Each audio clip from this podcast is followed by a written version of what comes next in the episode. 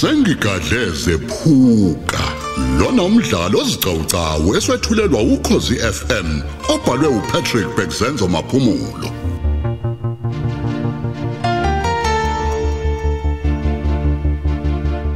Isiqephu sesithupha.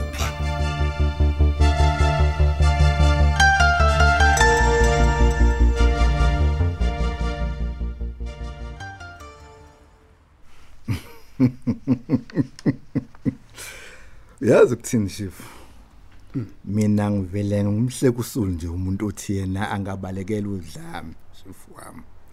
Ngana ngoba yabona ukubhebhetheka kwalo ngikufanisa nokusha komlilo wequbula. Wona odlebeleka amaqede wonke usuke la esikhotheni uhlale phezulu esihlahleni. Okwala kushinyamazane nexhumo zazo sezobalekela ngoba zizimisela ukuyokhosela budubuza kodwa wona ujika ufinyelele futhi lapho yabo? Maqede futhi ungagcini ngokufinyelela ubhubhise. Hayi ngiyaphumelana nawe mhleshi wami. Yes. Qinisweni kwamina ngenza izaba nje uma ngixoxa ngelibalekela lela kithi. Ngingalibalekela ngize ngifike phi konje udlame nobugebengu. yes Ingani phela nesaka siyasho ukuthi akhumanga ungenali. nje.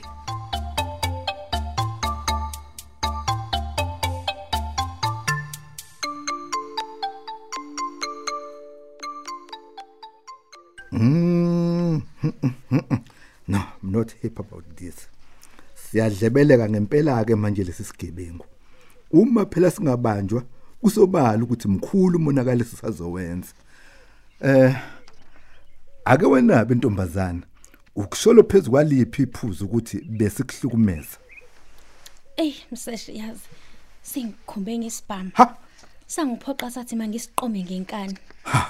Hayi ke nami ngisiqomile isiqoma kanjani? Ngani na kwabe ngisabela impilo yami. wewu wewu ithi ngabankulu ingabisazekeka Ayi kona ngikhathazekile ngempela ngalomlisa mina mseshi. Uma kuloko kuqhubeka kanjene ngabanjwa. Hayi angingabazi nokungabazi ukuthi kusekuseduza impela ukuthi angihlwengule. okay uyazi ukuthina mina ngisibona kancane isidingo sokuba sijahwe lesi sigebengu vele nje kakade sesizivezile saphinde sayisondeza lapha kuwe. Mina ke ngibona kunguwe kanye umuntu oyikhambi nentelezi yokuba athithibaliswe azabanjwe lomlisa uma nje wena uzokwenza ngale ndlela engizokucebisa ngayo ntombi. Oza nalo ke icebo mseshi ungilalela. lalela ke ntokazi yami. Ilula kakhulu. Isobala futhi njalo nje le ndaba yethu. Wena nje uzokwenza kanje.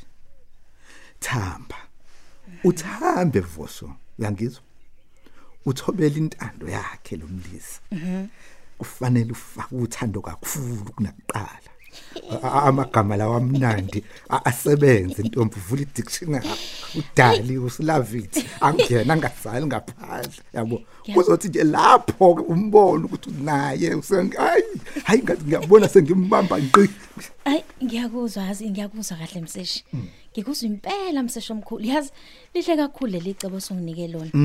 Ngeke azadabule nangengozi. ya Uma nje ngingalandela lona. Yes. Hayi lizomenza abanjwe ngqi.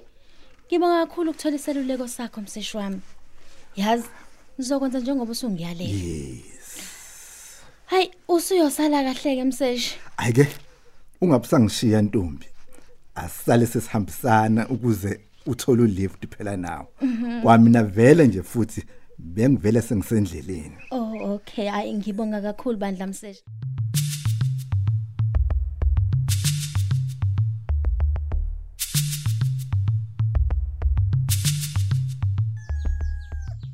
Eqinisweni njalo bengiseza nendaba abafana bami. Hayi woza nayo. woza boss, nayo, woza boss. nayo. Eh kunentatheli yephephandaba la echeme neqembu lezombusazwe. Ngisho lona kanye impela leli esilisekayo. sizwa Sizwa kahle sizwa kahle. Eh sengihleleke ukubonana nayo.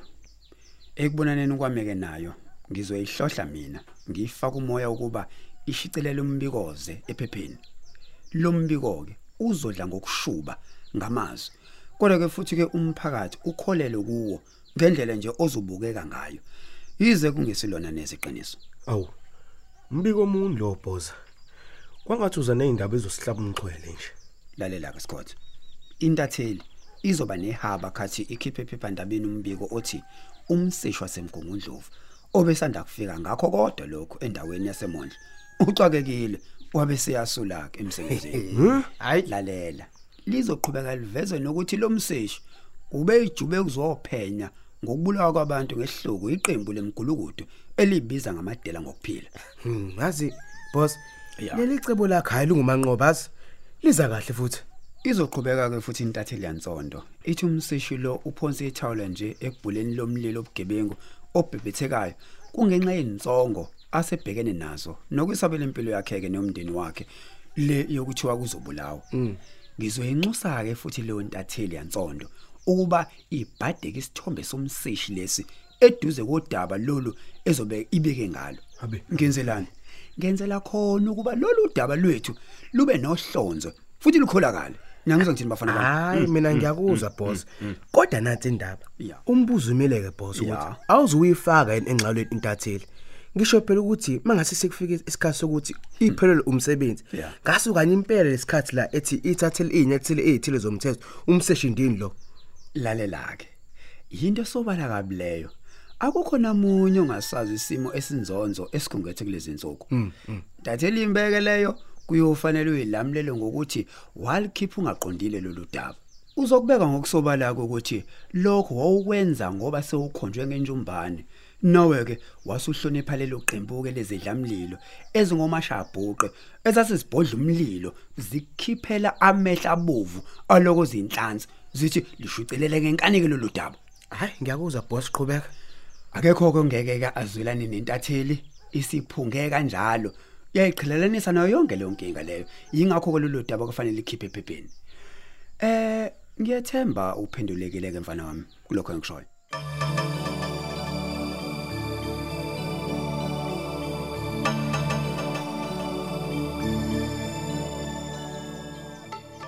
kuke sangeni la kohlele njayo uma nkomondela ukhuluma ngakusiza?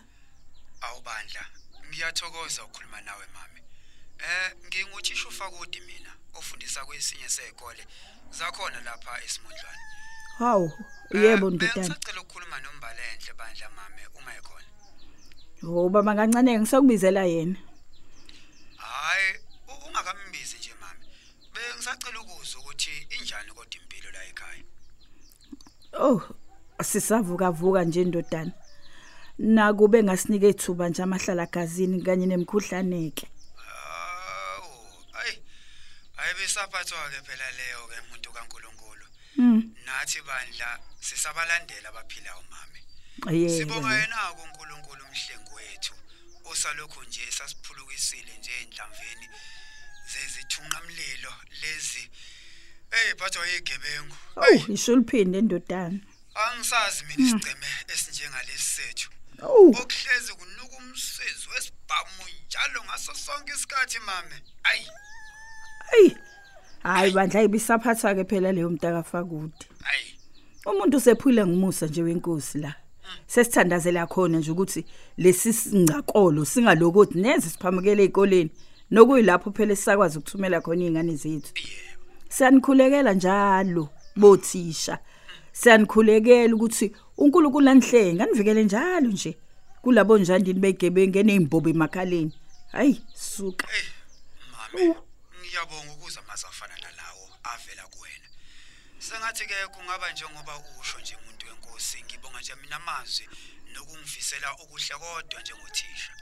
Ayike linda ke ngisawubizela yena umbhale enhle ndodana awu bandla yazosebenza ndazo aqhamuka locingo phela lifuna wena. Ehe phuthuma mntanami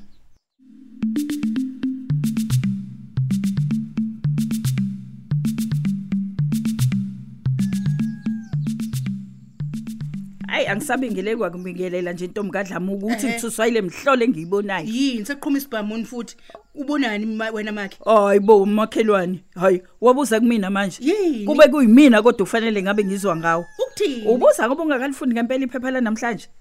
Ukhuluma ngani angaze ngize ngilifunde mina Awu. bekuyima ngisazothumela nje ingane iyolithenga ingakaye uyabona ingakabuye esikoleni Hayi We. ke, hayi uzosuka ukuthi ngiseke imithiyo ke ntombi kadlama uma ngixoxela mina. Hayi, Mi ngiyakutshela. nanti iphepha ifundela. aha Hawu, inhloso yami ngalo ukuthi ufunde lona kanye impela lo daba olubhalwe ngamagama amakhulu Kuthiwani? oluvele ekhasini lokuqala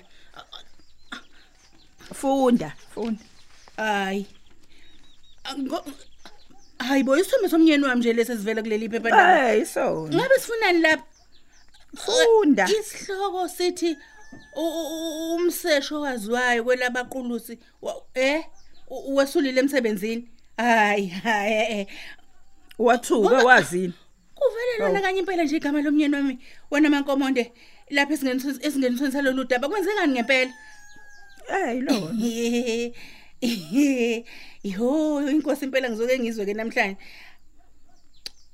Uh uh awuthi ngifunde awuthi ngifunde ngiqhubeke kahle nalolu daba mankomonde.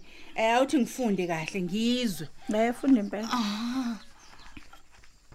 Mm hayi ngiyezwa makhe. Okubi nje ukuthi umnyeni wami ke hayi bengakangitshela ukuthi uyesula emsebenzini. awu ngempela Yebo. uma kuyiqiniso ngempela ukuthi uyesule emsebenzini luzokuphatha kanjani wena lo daba njengalolu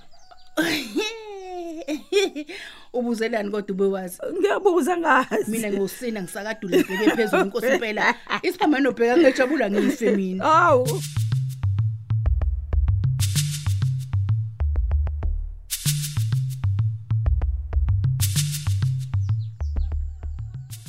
Ngiyabonga Themba sithandwa sami. Ukuzwa nje ukuthi uyezwelana nami. Yazi bengicabanga ukuthi uzongibhozomela nje uphoqa isimo ngenkani. hayi ke kanti ke sengoba ngikuthinteke sithanda sami. Uma sengimisele ukuba hlele olunye usuku esingakhishwa ngalo ke nendawo leyo esibonanela kuyo ukuze sixoxeke phela sihlele kahle ngekusasa lethu. Ewu ave ngikuthanda mbalente sithanda sami. Kudela lona ke ijuba elicosha amabele kwenu. Ey nami ngiyakuthanda sithandwa senhliziyo yami. ya Yazi ngikuthanda ngenhliziyo yami yonke. Ungikhonzele futhi lapha enhlizweni yakho. ngizokhonzela sithanda sami nami futhi ngokunjalo ungikhonzele kweyakhe inhliziyo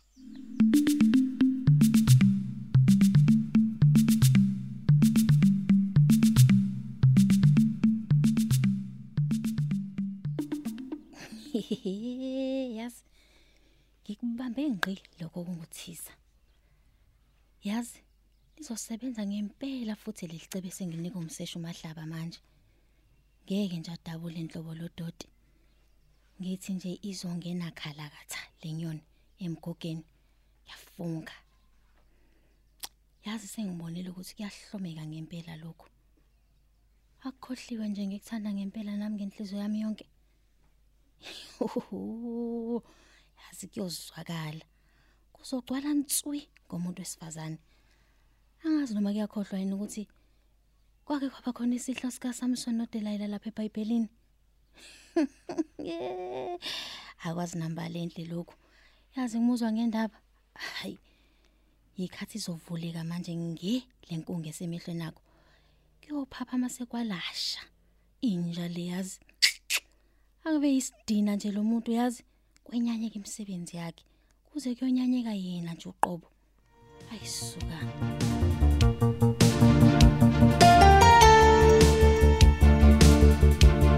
Asubambe lapho ke umdlalo wethu womoya osihloko sithi sengigadle zephuka olethelwa ukhozi FM